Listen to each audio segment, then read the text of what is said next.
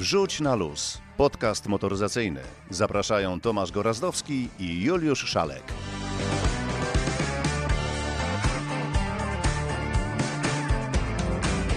Dzień dobry, dobry wieczór. W końcu nie wiadomo, kiedy to pójdzie. Witamy wszystkich naszych słuchaczy, zarówno tych, którzy słuchają nas co tydzień, jak i tych, którzy włączyli nas po raz pierwszy. Witamy, proszę z nami zostać. Mamy tematów dużo. W skrócie, Julek, o czym dziś? Dzisiaj powiemy sporo o nowościach, jakie czekają nas w tym roku, o motoryzacyjnych premierach 2022. Zdradzę tylko, że dzisiaj trochę miejsca poświęcimy Włoszczyźnie i też y, pojedziemy za ocean. Mm, Zastanowimy się także, jakie nalepki trzeba będzie niebawem przyklejać na przednią szybę i co z tego wyniknie.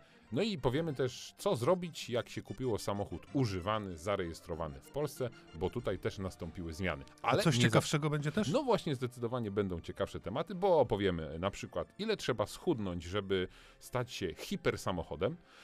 Zerkniemy, jak wygląda najnowszy SUV, w zasadzie pierwszy SUV w historii Astona Martina.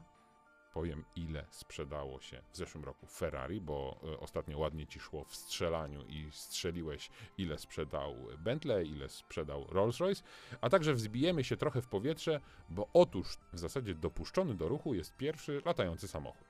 Więc jakbyś miał ochotę na przykład y, polatać i pojeździć, to możesz sobie kupić taki samochód i w zasadzie spełnić oba te marzenia. Opowiemy o dwóch nowych samochodach, które są już w Polsce. To Toyota GR86. Ciekawy samochód, następca Toyoty. GT86, tylko w mocniejszej wersji. Tak jest. Oraz premiera nowego samochodu Nissana. Oj, tutaj jest gorąca premiera, może nie taka sexy jak w przypadku Toyoty, ale ważny segment, w zasadzie nowy segment dla Nissana, więc trochę o tym samochodzie, który nazywa się Tone Star powiemy. A w naszym teście? A w naszym teście dzisiaj Kia Sportage, którą jeździliśmy w zeszłym tygodniu, ale dla ciekawych takich informacji high-tech z tej najwyższej półki, to jeszcze powiemy dwa słowa o Koenigseggu. Powiemy o Koenigseggu. Powiemy również o Bugatti Chironie i o tym, co wynika z tego, jak się ma Bugatti Chirona, co wynika z tego, że się ma Bugatti Chirona. I powiemy jeszcze, co słychać w Poznaniu. To może zaczynamy. No to teraz ogólnie o świecie dwóch i czterech kół. Zacznijmy w takim razie od tego Chirona, skoro na nim skończyliśmy. Otóż y, wyobraź sobie, że czeski miliarder, który jechał swoim Bugatti Chironem 417 km na godzinę na niemieckiej autostradzie i można powiedzieć jechał zgodnie z przepisami, bo był to odcinek, na którym nie było ograniczeń prędkości, może być pociągnięty do odpowiedzialności i grożą mu dwa lata więzienia. Śmieszne trochę, bo no przecież nie było ograniczenia prędkości. Co prawda niemiecka policja w Saksonii-Anhalt twierdzi, że brak ograniczeń nie znaczy, że można robić co się chce i co do głowy przyjdzie. Z No to po strony, co ten brak ograniczeń? No e, właśnie, ale to takie ostrzeżenie dla wszystkich, którzy chcieliby spróbować, że może się coś e, przytrafić. Co prawda oni twierdzą, że tam, że co? Y, Oni twierdzą, że generalnie jadąc z każdą prędkością, policjant musi mieć pewność, że kierowca ma kontrolę w każdej sekundzie nad y, samochodem. No tutaj do niczego takiego naprawdę nie doszło, bo kierowca miał do, y, pełną kontrolę nad samochodem, do żadnego wydarzenia niespotykanego nie doszło. Auto równo sunęło po równej jak stół niemieckiej autostradzie.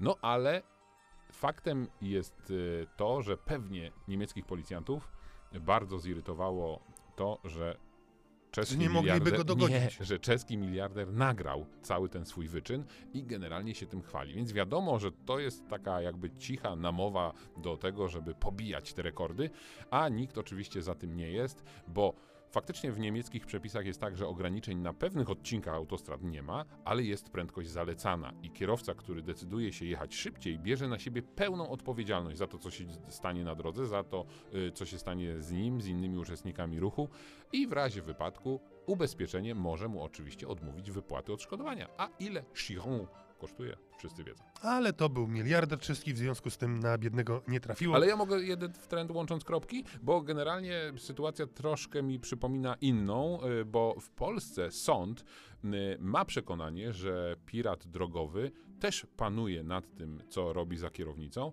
I otóż y, głośna sprawa Froga, który przez sąd został y, no w zasadzie oczyszczony z zarzutu, uniewinniony, właśnie tłumacząc, y, sąd tłumaczył to tym, że przez cały ten piracki rajd, który jasno trzeba sobie powiedzieć, że był pirackim wybrykiem i nie powinien mieć miejsca i, i kierowca powinien ponieść karę, kierowca miał pełną kontrolę nad samochodem. Bzdura. No to teraz, skoro o sportowych samochodach mówiliśmy, to może na moment do japońskiej produkcji, do Toyoty GR86. Spodobał mi się ten samochód i domyślam się, że fajnie się nim będzie jeździło. Na razie widzieliśmy go tylko, był taki statyczny pokaz, ale już można było siedzieć, silnik odpalić. Ale ja ci powiem, jak porównałeś y, Toyotę do Bugatti, to tam w Toyocie wszyscy teraz odpalają szampany. Tu żadnego porównania nie ma, tylko mówię, że skoro rozmawialiśmy o takim samochodzie, no to porozmawiajmy również o takim, który no, bardziej jest samochodem sportowym niż samochodem na zakupy. Zdecydowanie tak, a tym bardziej, że Toyota GT86, Nie, y, R86. ale zwykła tak naprawdę GT86 i tak jest bardzo fajnym samochodem tylnonapędowym, niedużej pojemności, ale autem, którym można naprawdę się pobawić. Gorąca premiera. Zabawka, o której opowie Robert Mularczyk z Toyoty. Mamy taki dziwny samochód. Dziwny, dlatego że to nie jest auto, które się wpisuje w kanony obecnie samochodów typu SUV, typu crossover, typu rodzinnych. To jest auto typu coupé, tak naprawdę dla dwóch osób, plus z tyłu powiększony bagażnik ze złożonym opaciem tylnej kanapy na cztery koła na tor. To jest samochód stosunkowo lekki, bo ma być lekki, z niskim środkiem ciężkości, bo ma mieć niski środek ciężkości, z zawieszeniem do jazdy na co dzień, tak? Ale świetnie też radzącym sobie na torze. No i z napędem silnik z przodu, napęd jak to mawiają klasycy, klasyczny na tylne koła tylko i wyłącznie, więc kierowcy raczej tacy, którzy wiedzą jak sobie radzić z takim samochodem, jak obsługiwać ten tylny napęd, bo inaczej może być różnie na mokrej czy śliskiej jezdni. A wspomniałeś, Robert, że to nie jest e, samochód, który się wpisuje w obecne trendy. Faktycznie nie wpisuje się. Dla kogo to jest zatem samochód, skoro e, no, wszyscy za chwilę będziemy jeździć elektrykami, hybrydami i w ogóle silnik spalinowy? Skąd pomysł taki u Was się wziął, żeby takie auta jeszcze produkować? Tak naprawdę trzeba by się zapytać chyba samego prezesa Akio Toyody w Tokio, skąd mu się ten pomysł y, tych ponad 10 lat temu wziął, żeby takie auto produkować, bo jak widać, to nie jest żadna kooperacja, to nie jest żadne obcinanie kosztów, wprost przeciwnie, to jest samochód, który w swojej formie i pomyśle i niszowości, no jasno sygnalizuje, że on nam będzie raczej robił koszty, niż przynosił zyski. Ale tak naprawdę jedynym celem tego auta jest przypomnienie kierowcom, którzy chcą tego odczuć, chcą tego, to, chcą to poczuć, tego poczuć, chcą to poczuć, jakoś tak chyba. E, co to znaczy radość z jazdy samochodem, który reaguje na gaz i na kierownicę, na polecenia kierowcy, bardzo e, jest czytelny na drodze, bardzo jest e, taki detaliczny w reakcjach i jednocześnie pozwala się tam poślizgnąć, niekoniecznie może na drodze publicznej, ale na torze albo na jakimś wydzielonym parkingu na próby sportowe. Ten to auto ma dawać e, fan i radość z jazdy. Nie ma być super technologiczne, ono wręcz jest mocno analogowe, ale dzięki temu przypomina na czym polegała motoryzacja jeszcze sprzed czasów e, elektryfikacji. Rzadko się spotyka, że w momencie, kiedy opowiada się o samochodzie, który wchodzi na rynek, już się opowiada, w którym momencie ten samochód przestanie być produkowany i w którym momencie zniknie z rynku. Tak, to znowu jest sytuacja tych pędzących e, coraz ostrzejszych norm emisji spalin dla Europy, w związku z czym no mamy taką sytuację, e, ja się śmieję do moich kolegów w Toyocie, że wprowadzając auto już e, krzyczymy, że za chwilę ono zniknie z rynku, bo tak naprawdę za dwa lata ono zniknie z rynku, gdyż w związku z nowymi wymogami unijnymi nie będzie spełniało różnego rodzaju norm. E, No i będziemy musieli je wycofać. To nie znaczy, że on nie będzie produkowany i sprzedawany w Japonii czy w Stanach Zjednoczonych. To nie znaczy, że nie będzie można go sobie sprowadzić w ramach e, importu prywatnego samochodu używanego z tamtych regionów. Chodzi o to, że w Europie nie będziemy mogli mieć w ofercie już tego samochodu. 50% y, sztywniejszy, niższy, szerszy, lepiej prowadzący się, lżejszy. E, Tak naprawdę ten samochód pojawi się od lutego, zaczynamy przyjmować wstępne zamówienia. Na tak zwana przedsprzedaż rusza dla tego auta. Samochód pojawi się gdzieś w okolicach e, maja, czerwca w Polsce.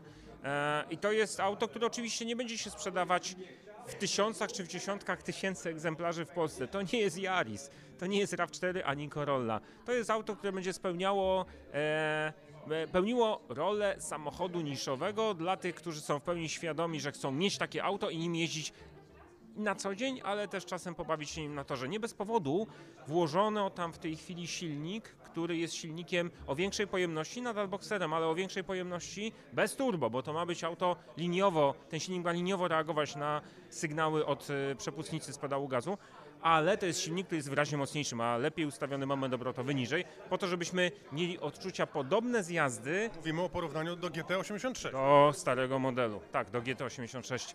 E, on ma dawać podobne i daje, to już mogę powiedzieć, podobne odczucia z kierownicy jak GR Yaris, z tym, że tu mamy tylno-napędowe auto, tam mamy czteropędną maszynę, która ma nam być zawsze w 100% przyczepna. A tu w GR86 na co dzień ma być przyczepnie, ale jak chcemy się poślizgać, to wtedy ten samochód pięknie wprowadza się w poślizg i ładnie trzyma w tym poślizgu. Dużo lepiej niż poprzedni, niż GT. Prezes Toyota ma i licencję zawodowego kierowcy rajdowego i wyścigowego. Prowadza się pod rękę i szkoli u McKinnena, czyli u ikony e, rajdów i generalnie całej serii WRC. Widzieliśmy go ostatnio w Bączkach e, Jarisem.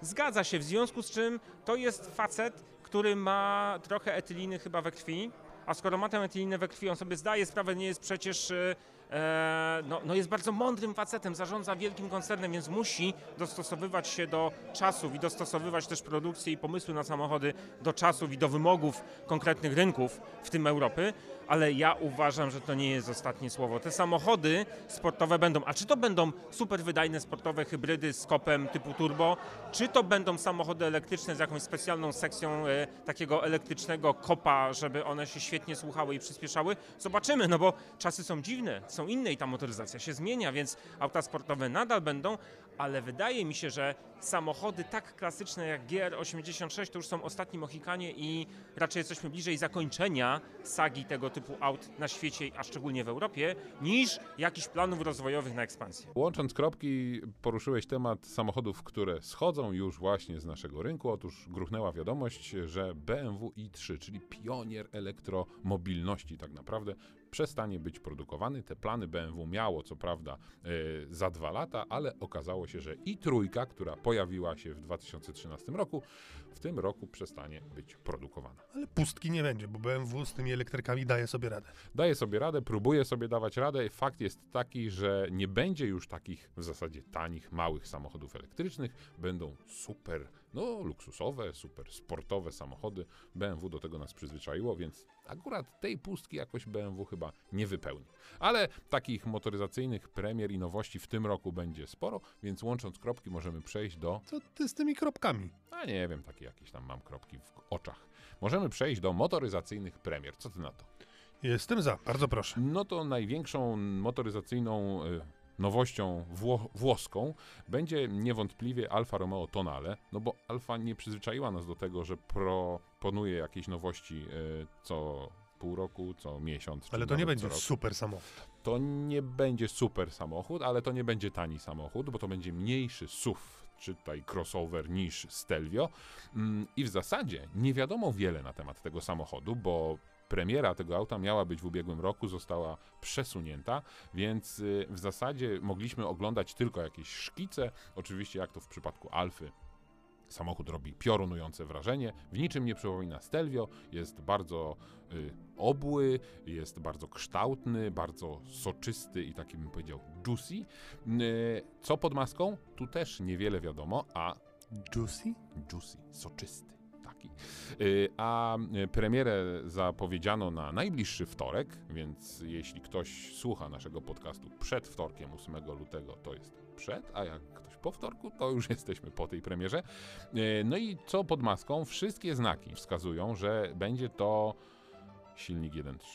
Znany, Dobra, przejdźmy do następnej premiery. nie, nie, nie, 190 koni lub 240, taką moc ma ten no silnik to- i układ tak. napędowy w Jeepie i Aha, wiele wskazuje na to, że tutaj będzie ten sam układ y, wykorzystany, ale nie wyprzedzajmy faktów, po prostu, y, no po prostu poczekajmy na premierę.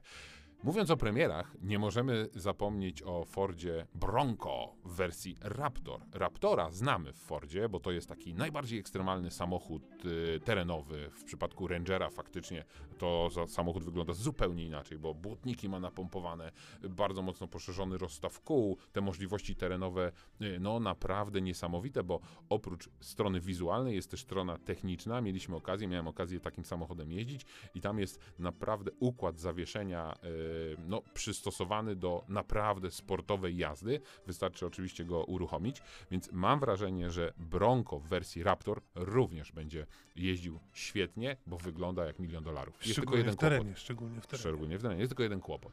Wiemy. No wiem, niestety nie będzie on dostępny w Polsce. Ale zawsze można go sobie y, sprowadzić, albo będzie można sprowadzić, jeżeli kogoś będzie na niego stać. Zadam ci pytanie, które cię zastrzeli. Z czym kojarzy mi się Ford Bronco? Yy, zastrzeliłeś mnie. Hmm. Ciebie pewnym- też. Z pewnym, z pewnym znanym osobnikiem, który Fordem Bronco jechał, a śledziły go kamery wszystkie amerykańskie, wszystkich amerykańskich telewizji? Ojej, to jakaś tutaj wieje grozą historia. I słusznie. Historia O.J. Simpsona, który swoim białym Bronco jechał, helikoptery nad nim, policja za nim. No i sprzedaż Bronco bardzo wzrosła po historii O.J. Simpsona. Ale ty taki przy starych samochodach nie jesteś, ale kojarzę ten samochód i te Bronco z lat 80., no to było naprawdę legendarne auto. I te nowe Bronco mocno nawiązuje i myślę, że Ford wykorzysta to właśnie nawiązanie do, te, do tej starej, legendarnej, e, legendarnego samochodu, żeby trochę podbić chyba zainteresowanie, chociaż ja wiem, czy trzeba jeszcze to podbijać, bo wszyscy i tak na to Bronco czekają i to Bronco wygląda jak naprawdę milion dolarów, więc chyba z O.J. Simpsonem nie ma co tam łączyć kropek, nie? Dzieje się, dzieje, bo przecież ten nowy Mustang Bronco, no, No, dzieje się. trochę tak. Szkoda jedynie, że Ford nie chce za bardzo mówić o tych swoich klasycznych, nie mówiąc starych samochodach, bo jakoś od tej historii stroni. Ale mówiliśmy o premierach, a nawet mówiliśmy o premierach, więc jeszcze szybko tylko przejrzymy nowości Audi. No tutaj oczywiście cała masa y, nowych wersji, ale taką naprawdę głośną premierą i premierą, na którą wszyscy czekają, to jest Q6 e-tron. Samochód olbrzymi, samochód y, oczywiście elektryczny, no i też kłopot jest taki, że mm, w zasadzie będzie dostępny pod koniec roku. To jest taki crossover zbudowany na zupełnie nowej płycie podłogowej Premium Platform Electric Y, i to jest platforma opracowana wspólnie z Porsche. Y, Dlaczego to jest ważne? Bo ta, ta platforma może wykorzystać technologię 800 V i ten czas ładowania, który w elektrykach jest istotny, może y, jakby doprowadzić do tego, że możemy ten samochód ładować szybkimi ładowarkami o uwaga mocy do 350 kW. U nas są dwie takie ładowarki, z czego dwie nie działają. Yy, BMW pokaże oczywiście mm, XM-a, o którym mówiliśmy, czyli to jest takie sportowe auto. Citroen pokaże największa nowość, to jest CX-5, czyli to jest połączenie sedana, limuzyny, suwa i auta typu kombi. To nie brzmi dobrze. Ale wygląda całkiem nieźle, bo samochód już został zaprezentowany. Yy, Pierwsze egzemplarze oczywiście w tym roku. Cena już też jest znana od 100 około 135 tysięcy złotych do oczywiście yy, niebotycznych cen, jeśli dobrze wyspecyfikujemy ten samochód. Honda. Honda pokaże HRV-a. I tak naprawdę to będzie tylko i wyłącznie hybryda, ale ciekawe auto pokaże Jeep. To będzie Grand Cherokee, który już jest zaprezentowany, jest dostępny w Stanach. Do Europy on przypłynie w tym y, roku i to jest, jak sam Jeep mówi, największy, najbardziej luksusowy y, Jeep Grand Cherokee w historii marki, więc jest na co czekać. A dotychczasowe wcale nie były małe jakoś, więc jeżeli to No jest największy, właśnie. najbardziej luksusowy, no to rzeczywiście dzieje się tam, dzieje się. I te nowości będziemy sobie tak trochę y, dawkować, więc y, jeszcze dzisiaj powiem tylko o Ioniku 6 i Hyundai i Kia oczywiście y, tych nowości też będzie miała sporo, a że to są samochody, które naprawdę zaczynają robić wrażenie nie tylko na nas, ale także na, na zwykłych klientach, no to powiem, że Hyundai Ioniq 6 owiany jest na razie tajemnicą, bo to jest premiera duża tegoroczna. Co to będzie, w którą stronę ten samochód y, będzie ewoluować, to dowiemy się w drugim półroczu roku. No to dobrze, to teraz może o... Ha, o czym teraz? Może teraz o Koenigsegg? Właśnie to chciałem zaproponować. No to właśnie, no bo Koenigsegg to marka, której przedstawiać nie trzeba. Super, hiper, y, w zasadzie hiper już samochód o niesamowitych osiągach i okazuje się, że yy, no, inżynierowie Koenigsegga wymyślili, wynaleźli czy opracowali nowe, nowy, zupełnie nowy silnik elektryczny. Silnik, który waży mniej niż 30 kg. Silnik, który potrafi wygenerować z siebie, i tu uważaj, 340 koni mocy, 600 Nm e, momentu obrotowego, a silnik jest wielkości, no, hmm, puszki mm, Coca-Coli. Słucham? No właśnie tak. Taki, Przesadziłeś taki, taki malutki. No może jest trochę większy niż puszka Coca-Coli, jak trzy puszki Coca-Coli. No jak duży talerz. No jak patelnia. Tylko trochę grubsza. No Hmm. generalnie 30 kg, nieduży owal, duża patelnia, duży garnek. O, nazwijmy to duży garnek. Jest tylko jeden kłopot z tym silnikiem, że te moce, o których ci mówiłem, one są dostępne przez 20 sekund. Ale wyobraź sobie, bo normalnie taki silnik generuje 150 koni mocy, 240 Nm momentu obrotowego, więc to i tak nie jest mało. Wyobraź sobie, taka moc zamknięta w dużym garnku. Jeśli weźmiemy dwa takie garnki, no to już mamy naprawdę coś, co może napędzać, no może nie hipersamochód, ale super samochód. I Koenigsegg, no, Mamy rozwiązanie. Trzeba wziąć trzy garnki. Można To trzy. nagle, to nadal jest tylko 90 kg. Oczywiście, że tak. Generalnie silnik elektryczny jest y, mniejszy niż silnik spalinowy. Nie potrzeba tego całego y, otoczenia i tych y, wszystkich komponentów, które się psują, są kłopotliwe. Więc tutaj jakby Koenigsegg upatruje jakby sukces tego swojego y, rozwiązania, które już nawet ma y, nazwę. Silnik nosi nazwę Quark. Y, I generalnie będzie to wykorzystane w, oczywiście w y, następnych modelach y, samochodów Koenigsegg. Jest to wykonane z ultra lekkich materiałów, ultra wytrzymałych. Y, No i co? No i y, można tylko mieć nadzieję, że Koenigsegg będzie na wolnym rynku sprzedawać takie samochody, takie silniki. Wyobrażasz sobie, kupujesz takie, taki, tak, taki garnek, wsadzasz do twojego Trabanta, fiu, zasuwa 150 koni normalnie, a jeśli potrzebujesz, a przecież w samochodach elektrycznych o to chodzi, żeby ten taki dodatkowy, dodatkowe kopnięcie mocy było, było chwilowe, później oczywiście ten yy, silnik yy, wraca do swojej normalnej pracy, masz 340 koni, niesamowite. To wszystko w Koenigseggu. Wrzuć na luz, wyluzuj.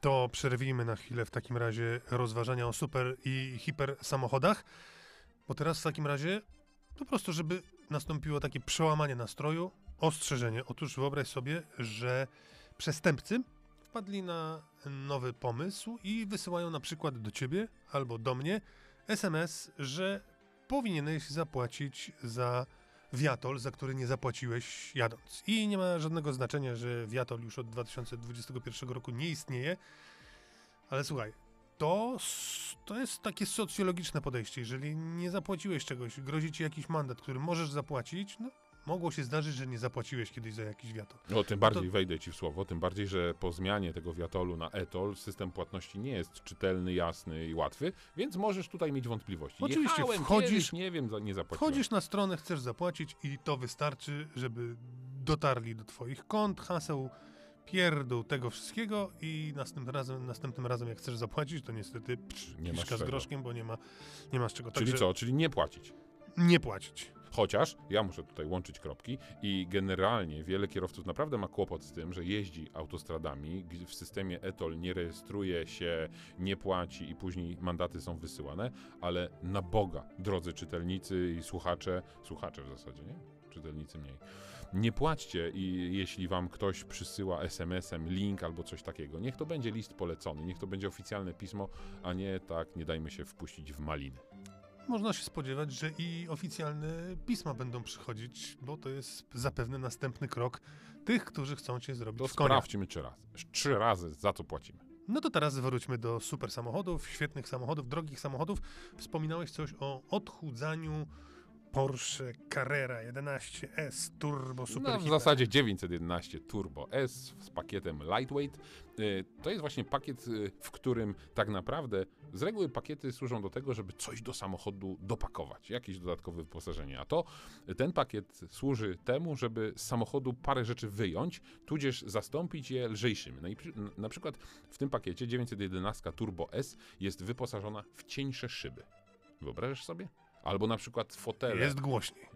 No tak, ale jest, jest lżej, więc l, są lepsze osiągi. Albo na przykład fotel y, jest y, z y, specjalnych kompozytów i jest cieńszy, więc jest niewygodny. Właśnie. Trochę może tak, ale jest lżej. Tylnej kanapy już wtedy w ogóle nie ma. Ale dlaczego to jest takie ważne? Bo żeby z super samochodu, jakim jest y, 911 w specyfikacji Turbo S, zrobić hiper samochód, który właśnie jest cały czas ten samą 911 Turbo S, ale w zasadzie osiągi ma y, godne hiper samochodu, no to właśnie trzeba wyposażyć ją w ten pakiet lightweight i to jest, słuchaj, przyspieszenie taki samochód wtedy ma i to jest zmierzone przez naszych kolegów dziennikarzy z Australii z magazynu and Driver 2,7 2,7 sekundy do setki. A obstawiałem 2,8. A widzisz, 2,7 y, do 60 mil, czyli tak, to jest Do 100. 0,6 mniej niż zwykła Turbo S. Czyli widzisz, 36 km, y, 36 kg powoduje lepsze przyspieszenie o 0,6 sekundy. Nieźle, co? Wiesz Więc co? jakbyś- Chyba szczerze mówiąc wolałbym mieć grubsze szyby, wygodniejsze siedzenia i niech przyspiesza o Dziaders. 0,6 sekundy szybciej. Dziadersem jesteś, starym dziadem po prostu, który jeździ wygodnie. Nie Czym za- ty tam jeździsz Nie wygodnie? zauważyłbyś różnicy. Ha, mój drogi, zauważyłbyś, zauważyłbyś, jakby ci te włosy, których nie masz, zdmuchnęło. Za taką Turbo S musisz zapłacić, no, blisko półtorej bańki. Więc y, jeśli przyjdzie wam do głowy kupić sobie samochód, super samochód, który może być hiper samochodem, no to musicie tyle wydać. Niesamowita historia. No to teraz mamy rozwiązanie zdecydowanie lepsze i tu już nikt nie będzie mówił o dziadersach, o nie dziadersach, bo to będzie rozwiązanie super, hiper, nowoczesno, młodzieżowo cool. Wow. Mówię o samochodzie latającym, który już jeździ, który już lata. Tyle, że y, wspomniałeś, że to pierwszy zarejestrowany. Już przecież były takie konstrukcje, już jeździły, już latały. No właśnie nie, bo one latały w y, filmach, najczęściej o, w filmach y, o Jamesie Bondzie, a tak naprawdę ten samochód, czy to latający samochód, nazywa się Air Car i jest produkcji słowackiej i dostał oficjalną homologację y, i certyfikat bezpieczeństwa Od kogo? od instytucji, która wydaje takie certyfikaty w, na terenie Unii Europejskiej i oficjalnie już odbyła się 75-kilometrowa przelotka. Przelotka? przelotka. Yy, tak, konstruktor sam wsiadł za stery tego samochodu, samolotu i przeleciał taki dystans. Ma w planach oczywiście zdecydowanie y, dłuższe loty, ale teraz zaskoczę cię. Yy, Ceną. nie, cena nie, bo na razie jeszcze ten samochód jest bezcenny, bo powstał w jednym e, egzemplarzu. Certyfikat wydała Europejska Agencja Bezpieczeństwa Lotniczego, A no To to, jest, to widzisz? a druga rzecz to jest silnik, jaki zastosowano w tym samochodolocie. Jak myślisz, ile on może mieć mocy? Jeden, trzy. Słuchaj, no nie jesteś jakoś strasznie daleko, bo to jest y, silnik, który ma 140 koni mechanicznych mocy i to jest silnik BMW i y, może osiągnąć prędkość 160 km na godzinę. To nie drodze jest czy w powietrzu? w powietrzu. Więc to nie jest jakiś olbrzymi silnik, to jest y, generalnie, żebyście mogli sobie wyobrazić, jak to auto wygląda. Normalnie ma cztery koła, to nie jest jakaś zabawka trzykołowa. Yy, normalnie jest z tyłu wielkie yy, skrzydło, Statecznik, taki, tak. taki statecznik, czyli spoiler, który wychodzi jakby z dwóch stron, po dwóch stronach błotników, czyli przez całą szerokość samochodu, a skrzydła wysuwają się wzdłuż. tak, ale całe przygotowanie samochodu do lotu trwa no, nieco ponad dwie minuty. Więc stajesz na autostradzie, oczywiście nie możesz tego zrobić, bo musisz wystartować z, y, z pasa startowego, ale generalnie stajesz, dwie minuty, skrzydła się rozkładają, pach, duże śmigło z tyłu i sobie lecisz. Niezłe, co?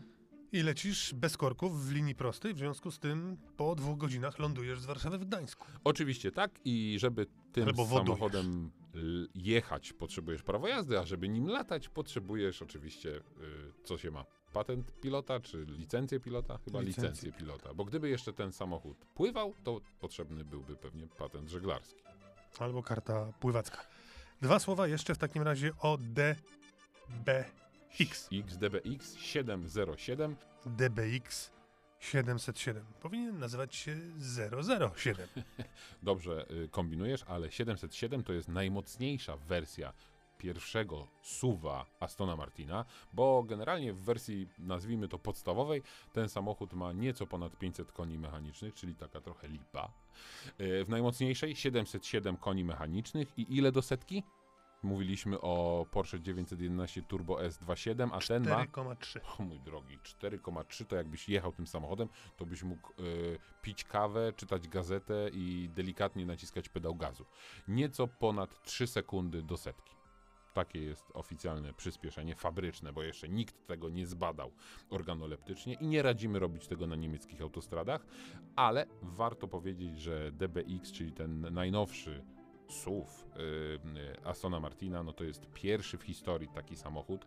Y, no, zachwyca wyglądem, chociaż ta linia jest dość podobna może do, do innych luksusowych y, SUVów na auto. Będzie oczywiście konkurować z Bentaygą Bentleya, z RSQ8, y, no i oczywiście z BMW i innymi takimi samochodami.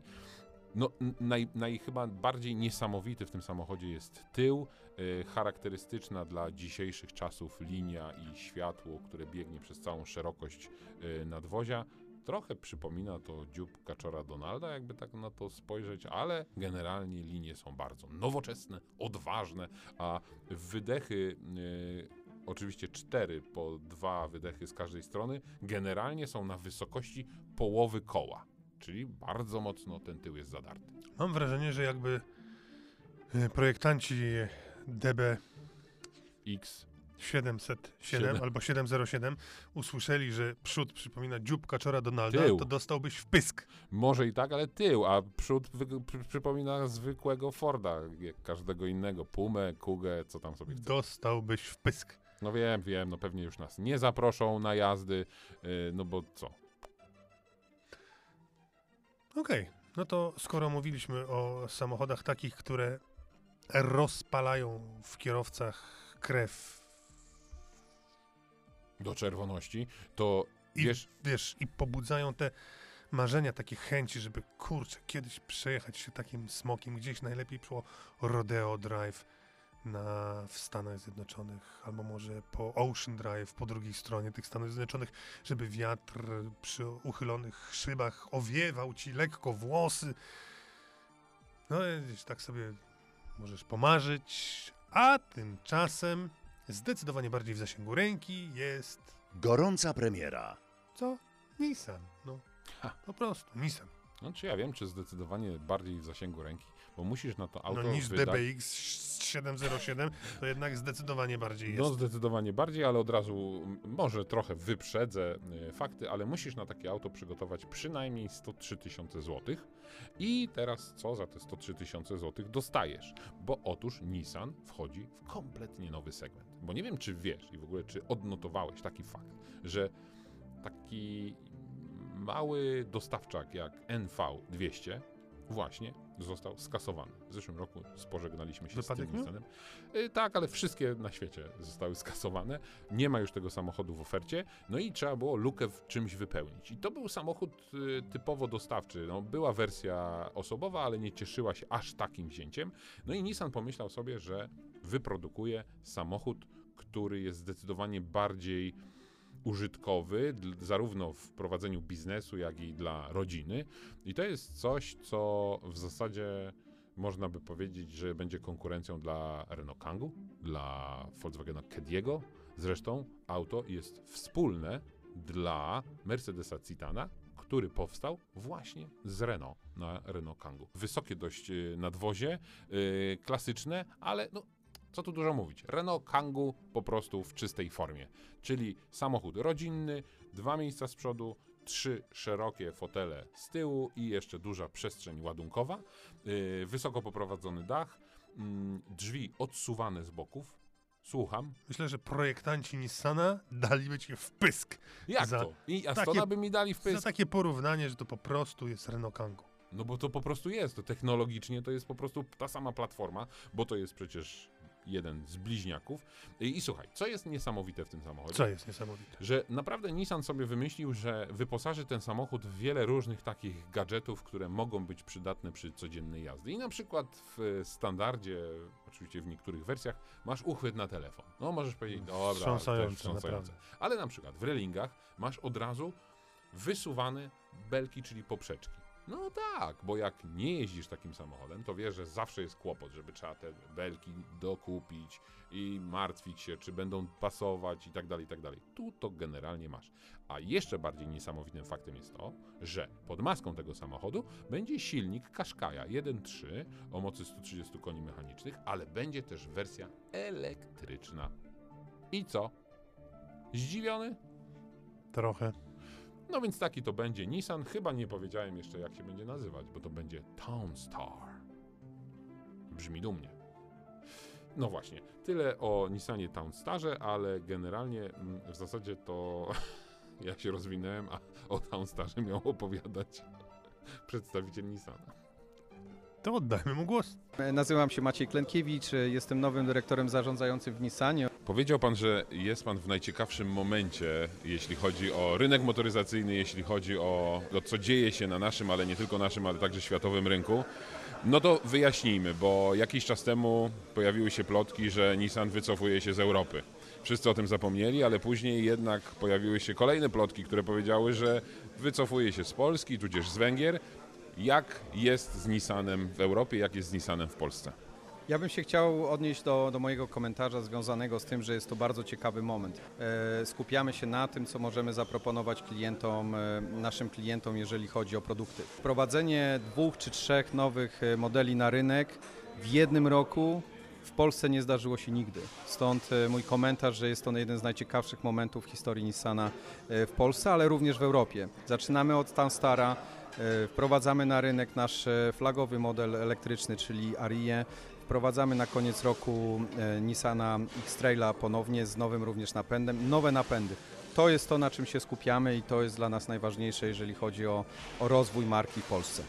Ale mówiąc nowe, nie ma pan na myśli tylko i wyłącznie napędów elektrycznych. Dokładnie. Elektryfikacja ogólnie powiedziana to nie jest tylko samochody w pełni elektryczne. Nasza propozycja z nową technologią e-Power, którą będziemy mogli zaprezentować Państwu za 2-3 miesiące już w modelu Qashqai, to jest nasza nowa propozycja, jeżeli chodzi o elektryfikację. To jest samochód, który będzie napędzany e, napędem e, elektrycznym i jest na pewno rozwiązaniem, który jest takim pośrednim rozwiązaniem przed w pełni elektrycznym samochodem, jakim jest dzisiaj Leaf i jakim będzie e, niedługo Aria. Czy to wynika z tego, że dostrzegacie takie miejsce, w którym no, samochody elektryczne jeszcze nie są gotowe, y, żeby pojawić się w każdym domu? Nie każdy klient po prostu jest zdecydowany na samochód elektryczny? Dokładnie. To jest nasza odpowiedź na to y, dla klientów, którzy poszukują rozwiązań już y, elektrycznych, już myślą o tym, żeby, żeby ich samochody były bardziej ekologiczne, jak również szukają takiego czegoś jeszcze pomiędzy, czyli e, my, my mówimy, nazywamy to mostem, czy jest to nasz bridge pomiędzy samochodami tradycyjnymi EV i e-Power w 100% odpowiada właśnie tym wymaganiom. Jest to napęd, który został zaprezentowany już kilka lat temu w Japonii, odniósł olbrzymi sukces e, w kilku tak naprawdę e, segmentach samochodów, od samochodów małych po samochody luksusowe i liczymy na to, jesteśmy pewni, że w Europie będzie to olbrzymi sukces. No ale z drugiej strony mocno stawiacie na samochody elektryczne i ten Townstar, który stoi tutaj obok nas, jest dostępny zarówno w wersji benzynowej, tradycyjnej, jak i właśnie w wersji elektrycznej. Y, Czy klienci szukają raz, że tego typu samochodów, dwa, tego typu samochodów y, w wersjach elektrycznych właśnie? To jest bardzo fajne pytanie. Dotyczy to segmentów e, LCV. Segment lekkich samochodów dostawczych myślę, że będzie się najszybciej rozwijał, jeżeli chodzi o dostępność samochodów elektrycznych. Małe przebiegi, miejskie samochody dostosowane do dostaw różnego rodzaju produktów i z możliwością taniego, taniej eksploatacji właśnie elektrycznej, to jest przyszłość tak naprawdę tego segmentu. Stąd nasza propozycja również wyposażeniem samochodu w, w baterię, czyli w samochód elektryczny, który będzie dostępny za kilka miesięcy. A nie boicie się, że patrząc na gabaryty tego samochodu, które są całkiem spore, nie znajdą się także ci, którzy powiedzą, a ta bateria 44 kWh i zasięg 300 km, no to nie jest za dużo. Dzisiaj odnieśliśmy bardzo duży sukces z samochodem ENV200, który miał zbliżone tak naprawdę parametry dostawy. Cieszył się on się dużym powodzeniem klientów flotowych. Udało nam się zrea- zrealizować bardzo duży jakby e, deal flotowy i świadczy to o tym, że cieszył się bardzo dużym zaufaniem ten samochód. Jestem pewny, że Townstar również sprosta e, tym oczekiwaniom, jeżeli chodzi o dostawy e, krótkodystansowe, miejskie lub takie średniodystansowe, idealne rozwiązanie. No to powiedzmy o dostawach, jeśli chodzi już o samochody. Jaki jest czas oczekiwania na tego Tamstara? No bo cała branża przeżywa trudne chwile. Jeżeli chodzi o Tanstara, jego produkcja się już rozpoczęła. Mamy potwierdzone już ilości produkcyjne na najbliższe 2-3 miesiące i myślę, że będziemy mogli klientów e, na pewno zadowolić, jeżeli chodzi o tą początkową fazę sprzedaży z, z naszymi dostawami. A o kolejne będziemy się na pewno starać. E, To w tym e, to jedno z moich głównych zadań, żeby znaleźć jak najwięcej samochodów dostępnych na rynek polski. Wrzuć na luz i pogadajmy. To jeszcze dobra informacja w cudzysłowie dla wszystkich użytkowników dróg. Otóż firmy sprzątające drogi po wypadkach, po kolizjach wymyśliły sobie, że będą występować do ubezpieczycieli o to, żeby im oddali kasę za takie sprzątanie, które może kosztować parę tysięcy albo nawet paręnaście tysięcy złotych. No i co? Teoretycznie ktoś może powiedzieć, a no nic, a otóż wcale nie, ponieważ jeżeli to stanie się normą, to co? Podwyżki. Oczywiście, i dla pana, i dla mnie. Co tam Ale wydłubałeś? generalnie przecież tak jest na przykład na Nürburgringu, jeśli jeździsz na tych jazdach takich, na których kupujesz sobie bilet, to jasno, podpisując regulamin, yy, zobowiązujesz się do pokrycia kosztów, na przykład właśnie yy, rozbitych barier. Ale jeśli to się stanie normą, to wiesz co, mnie to trochę dziwi, no bo tak naprawdę w ogóle się nie przejmujemy tym, yy, no mając wypadek, ale przecież po to mamy ubezpieczenie, żebyśmy my z własnej kieszeni nie musieli za to płacić. Myślę, że właśnie płacisz za to z własnej kieszeni, tyle że W nie formie płacisz. ubezpieczenia. No to teraz będziesz płacił po prostu więcej. Do tego to no dobrze, no to będziesz płacił też jeszcze za mm, e, kolejne rzeczy, bo otóż chociaż jeszcze nie mamy stref y, czystego transportu, to są te strefy, które mają się pojawić y, w niedalekiej przyszłości, to otóż y, trzeba będzie mieć stosowne pozwolenie, żeby do takiej strefy wjechać. Będzie to widoczne na przedniej szybie, gdzie nakleimy sobie naklejkę. I wiesz, jaki jest absurd całej tej sytuacji, gdzie ustawodawca wprowadza czy, strefy czystego transportu? Nie wiesz. To już ci od razu powiem że nie będzie jednej spójnej nalepki, jednego spójnego systemu dla wszystkich miast. Każde miasto będzie miało swój odrębny system. A to oznacza, że jeśli będziesz chciał jechać do strefy w Krakowie, będziesz musiał kupić jedną naklejkę, w Katowicach drugą, w No nie, no, Warszawie. chyba inną. wjedziesz na warszawską w Poznaniu. Albo... Absolutnie nie, mój drogi. Absolutnie nie. Bo każde miasto będzie miało swój odrębny system. Taki to otóż nowy ład. Ale mówiąc o nudnych rzeczach, chciałem jeszcze powiedzieć, że Chciałbym spojrzeć w oczy temu, który to wymyślił. nie chciałbyś.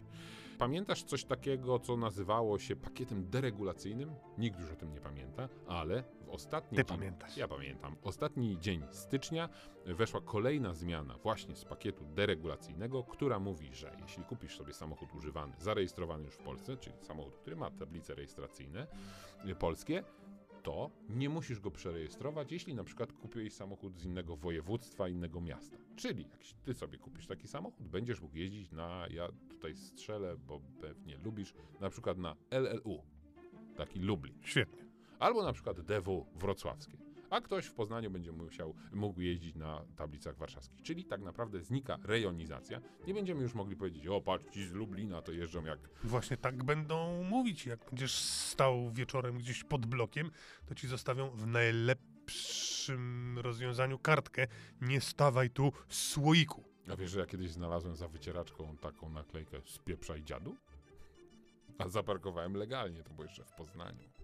O, ale ktoś chciał zaparkować. No właśnie, to możemy się tutaj trochę śmiać, ale generalnie tablica teraz jest przypisana do samochodu. Chamstwo. I uwaga, ważna uwaga, to nie jest tak, że ona jest przypisana i basta. Kupując samochód, możemy wymienić sobie taką tablicę na zgodną z naszym y, miejscem zamieszkania, ale będziemy musieli za to zapłacić 80 zł. Więc jeśli tego nie zrobimy, a nie musimy, to oszczędzimy 80 zł. Kolejne zmiany z pakietu deregulacyjnego wchodzą 4 września, ale do 4 września to jeszcze będzie tych podcastów naszych całe mnóstwo, więc jeszcze o tym będziemy mówili. I powoli to już y, wszystko. A wiesz ile Ferrari sprzedało się w ubiegłym roku na świecie? 8200. Nie. 11 150. Czyli też byłem blisko. Teraz na koniec No to spróbujmy. Nasz test. Sprawdzamy, jak Toto jeździ. Piękny las, las pełen życia, ale tak naprawdę za oknem deszczowy dzień. Obleśnie, zimno, mokro i las pełen życia wprowadza pozytywną atmosferę w samochodzie, a dodajmy, że dzisiaj siedzimy sobie w nowej Kia Sportage GT Line, samochodzie bardzo ważnym dla rynku i można zakładać, że takim, który sprzedawać się będzie w tysiącach egzemplarzy. No, Kia na pewno tego sobie życzy, a ja tylko dodam, że te dźwięki natury to nie jest nowa funkcjonalność Kii, bo te dźwięki natury właśnie y, były już wcześniej w tych samochodach, a Kia Sportage wiele różnych nowości ma, bo nie dosyć, że wygląda zupełnie inaczej, wygląda dla jednych obłędnie, dla innych y, nieco mniej y, obłędnie. Pod maską silnik 1.6 TGDI, hybryda oczywiście. Moc całego układu to 230 koni mechanicznych, więc tak naprawdę jest się czym odepchnąć. Jest, ale powiem szczerze, że nie zauważyłem tej mocy dzisiaj jadąc przez 300 km. Oczywiście w większości po drogach ekspresowych, natomiast w sytuacjach, w których trzeba było tak przyspieszyć zdecydowanie, to nie czułem tych 230 koni. Może to za sprawą właśnie lasu pełnego życia i takiej usypiającej aury. Chociaż yy, wytłumaczmy się od razu, Tomek 300 km dzisiaj jedzie, ja wczoraj tym samochodem miałem okazję p- jechać 300 km i faktycznie tej mocy nie czuć, ale jest to hybryda, jest to samochód, który naprawdę przyjemnie oddaje moc, oczywiście automatyczna skrzynia biegów. Ale bo tak wydaje się, że 230 koni to, to musi być jakiś zwierz i potwór. Żebyśmy powiedzieli wyraźnie i dobitnie, wystarczająco, że nie ma tutaj problemu z brakiem mocy. Nie, ten samochód jedzie, przyspiesza, wszystko jest ok. Silnik 1.6 turbo, oczywiście benzyna o mocy 180 koni mechanicznych, a silnik elektryczny to jest dodatkowe 60 koni mocy. Mi podczas wczorajszej jazdy udało się spalić 8,1 litra na 100 km. Tomek ma trochę cięższą nogę. Albo zrzucę to na karp nieumiejętnej jazdy, bo nie jechaliśmy dynamicznie, a spaliło ci to auto 8,5 litra. Przy dość szybkiej jeździe autostradowej 140 km na godzinę, przy tych gabarytach samochodu, to jest wynik absolutnie mm, akceptowalny. W mieście zapewne w połączeniu silnika spalinowego z tą hybrydą, która tutaj miałaby pole do popisu, będzie e, mniej. Ale silnik, dane o tym mówiliśmy tydzień temu, natomiast rozejrzyj się dookoła i co, co widzisz? Oczywiście w pierwszej kolejności co się rzuca w oczy? Duży wyświetlacz. Duży to nawet chyba mało powiedziane, bo on jest bardzo duży. Aj, bym nie, przes- nie przesadzałbym, bo to tak naprawdę mamy dwa duże wyświetlacze, e, ponad 12 cali, z, połączone jedną taflą. Ta- Na prezentacji usłyszałem, że to jest tafla szkła i udało się wmontować ten y, ekran te wyświetlacze w taki sposób, że nie wygląda to jak doczepione na siłę. Jedna rzecz, która naprawdę przypadła mi do gustu, to to jest ten panel poniżej wyświetlacza centralnego. Panel, który w zależności od tego, jakie funkcje wybierzemy, zmienia się albo y, jako panel y, systemu klimatyzacji, albo właśnie panel do radia, do nawigacji, y, czy do innych y, y, funkcji samochodu, więc to jest naprawdę bardzo fajne. To debiutowało w Kii EV6, o której już opowiadaliśmy, a nawet opowiadaliśmy. No i oczywiście miejsca jest tu sporo, nawet na szerokość, więc my możemy sobie, tutaj siedzieć z tak naprawdę łokciem podpartym pod wygodny podłokietnik. I ten manipulator do zmiany biegów jest y, na środku, i tutaj też są przyciski, którymi możemy sterować podgrzewaniem foteli, albo na przykład autoholdem, albo wybierać tryby jazdy. No i właśnie, tryby jazdy, Tomek. Jechaliśmy cały czas na eko, teraz zmieniamy sobie na sport, zmienia się grafika wyświetlaczy. Tryby tak naprawdę są dwa, ale tydzień temu opowiadaliśmy Wam, jak te tryby się zmieniają w zależności od konfiguracji i od e, wersji wyposażenia samochodu. No i jakie wrażenia masz tutaj po tej 300-kilometrowej trasie? Właśnie chciałem powiedzieć, że jestem pozytywnie zaskoczony. Otóż nie jestem zaskoczony, jest po prostu pozytywnie, bo przyzwyczailiśmy się już w Kii Sportage, tej panującej obecnie na e, szosie, jeździło się e, znakomicie, w związku z tym nowy model nie sposób, żeby był gorszy. Jazdę uprzyjemnia cała masa systemów, które nam pomagają, które nas wspomagają. Jest y, cicho, skoro słyszycie las pełen życia. O właśnie, wtrącę ci, z tą ciszą, to jeśli mógłbym ponarzekać, to tutaj y, wczoraj jadąc nie zwróciłem na to uwagi, dzisiaj jadę, prowadząc ten samochód, dzisiaj jadę na prawym fotelu i muszę powiedzieć, że przy prędkości, no takiej 120, ten szum tutaj gdzieś z okolic drzwi jest głośny i to mi jedynie w zasadzie przeszkadza. Cała reszta jak najbardziej pozytywna, tak jak Tomek mówisz, ale już kontynuuj. Dużo miejsca, wygodna pozycja za kierownicą, dynamiczny, choć nie rakietowy silnik. Moim zdaniem cicho, znakomicie rozplanowane te y, wyświetlacze, które są. No, pierwsza sprawa są estetyczne, druga sprawa są duże, trzecia sprawa łatwo się poruszać w tym systemie informacji kij. W związku z tym, no na razie same plusy. Same plusy, a ja dodam Wam y, tylko do tego, co Tomek powiedział, że te materiały, które tutaj są wykorzystane do wykończania wnętrza są naprawdę fajne, fajne, czasami nawet gdzieś tam miękkie. Na drzwiach na przykład jest miękka tapicerka. Y, To wszystko sprawia dobre wrażenie. No i to chyba przekłada się też na ten wynik e, sprzedażowy. W ubiegłym roku zaledwie 2000 samochodów sprzedanych mniej niż samochodów marki Volkswagen. To o czymś świadczy. No, jakość idzie w parze e, z ceną, dlatego że wspominaliśmy tydzień temu, ten nowy Sportage w wersji bazowej, podstawowej będzie kosztował w okolicach 105 tysięcy, jak na tak wyposażony nawet bazowo samochód, tak wykonany, tak przestronny, no i tak fajny, powiedzmy sobie szczerze, cena jest znakomita i o ile się nie mylę, patrzyłeś na porównania i wypadają korzystnie I jeśli ktoś szuka nie jakiejś kosmicznej technologii, ale czegoś, co jest e, zgrabne, ładne, estetyczne, no to chyba tutaj to znajdzie. No i to wszystko na To to, to ładna dzisiaj. nazwa. To to Wolf jest taki gość. Zespół Toto, sporo jest Toto. Żegnamy się, bo Toto. nie ma co przeciągać. Do usłyszenia mam nadzieję za tydzień, jak się wszystko dobrze ułoży. Pamiętajcie, prosimy, polećcie nas znajomym, przyjaciołom, wrogom oraz sąsiadom. Niech za tydzień będzie nas jeszcze więcej. Dziękujemy, do usłyszenia. Bądźcie z nami, do usłyszenia. Tomasz Gorazdowski. I Juliusz Szale.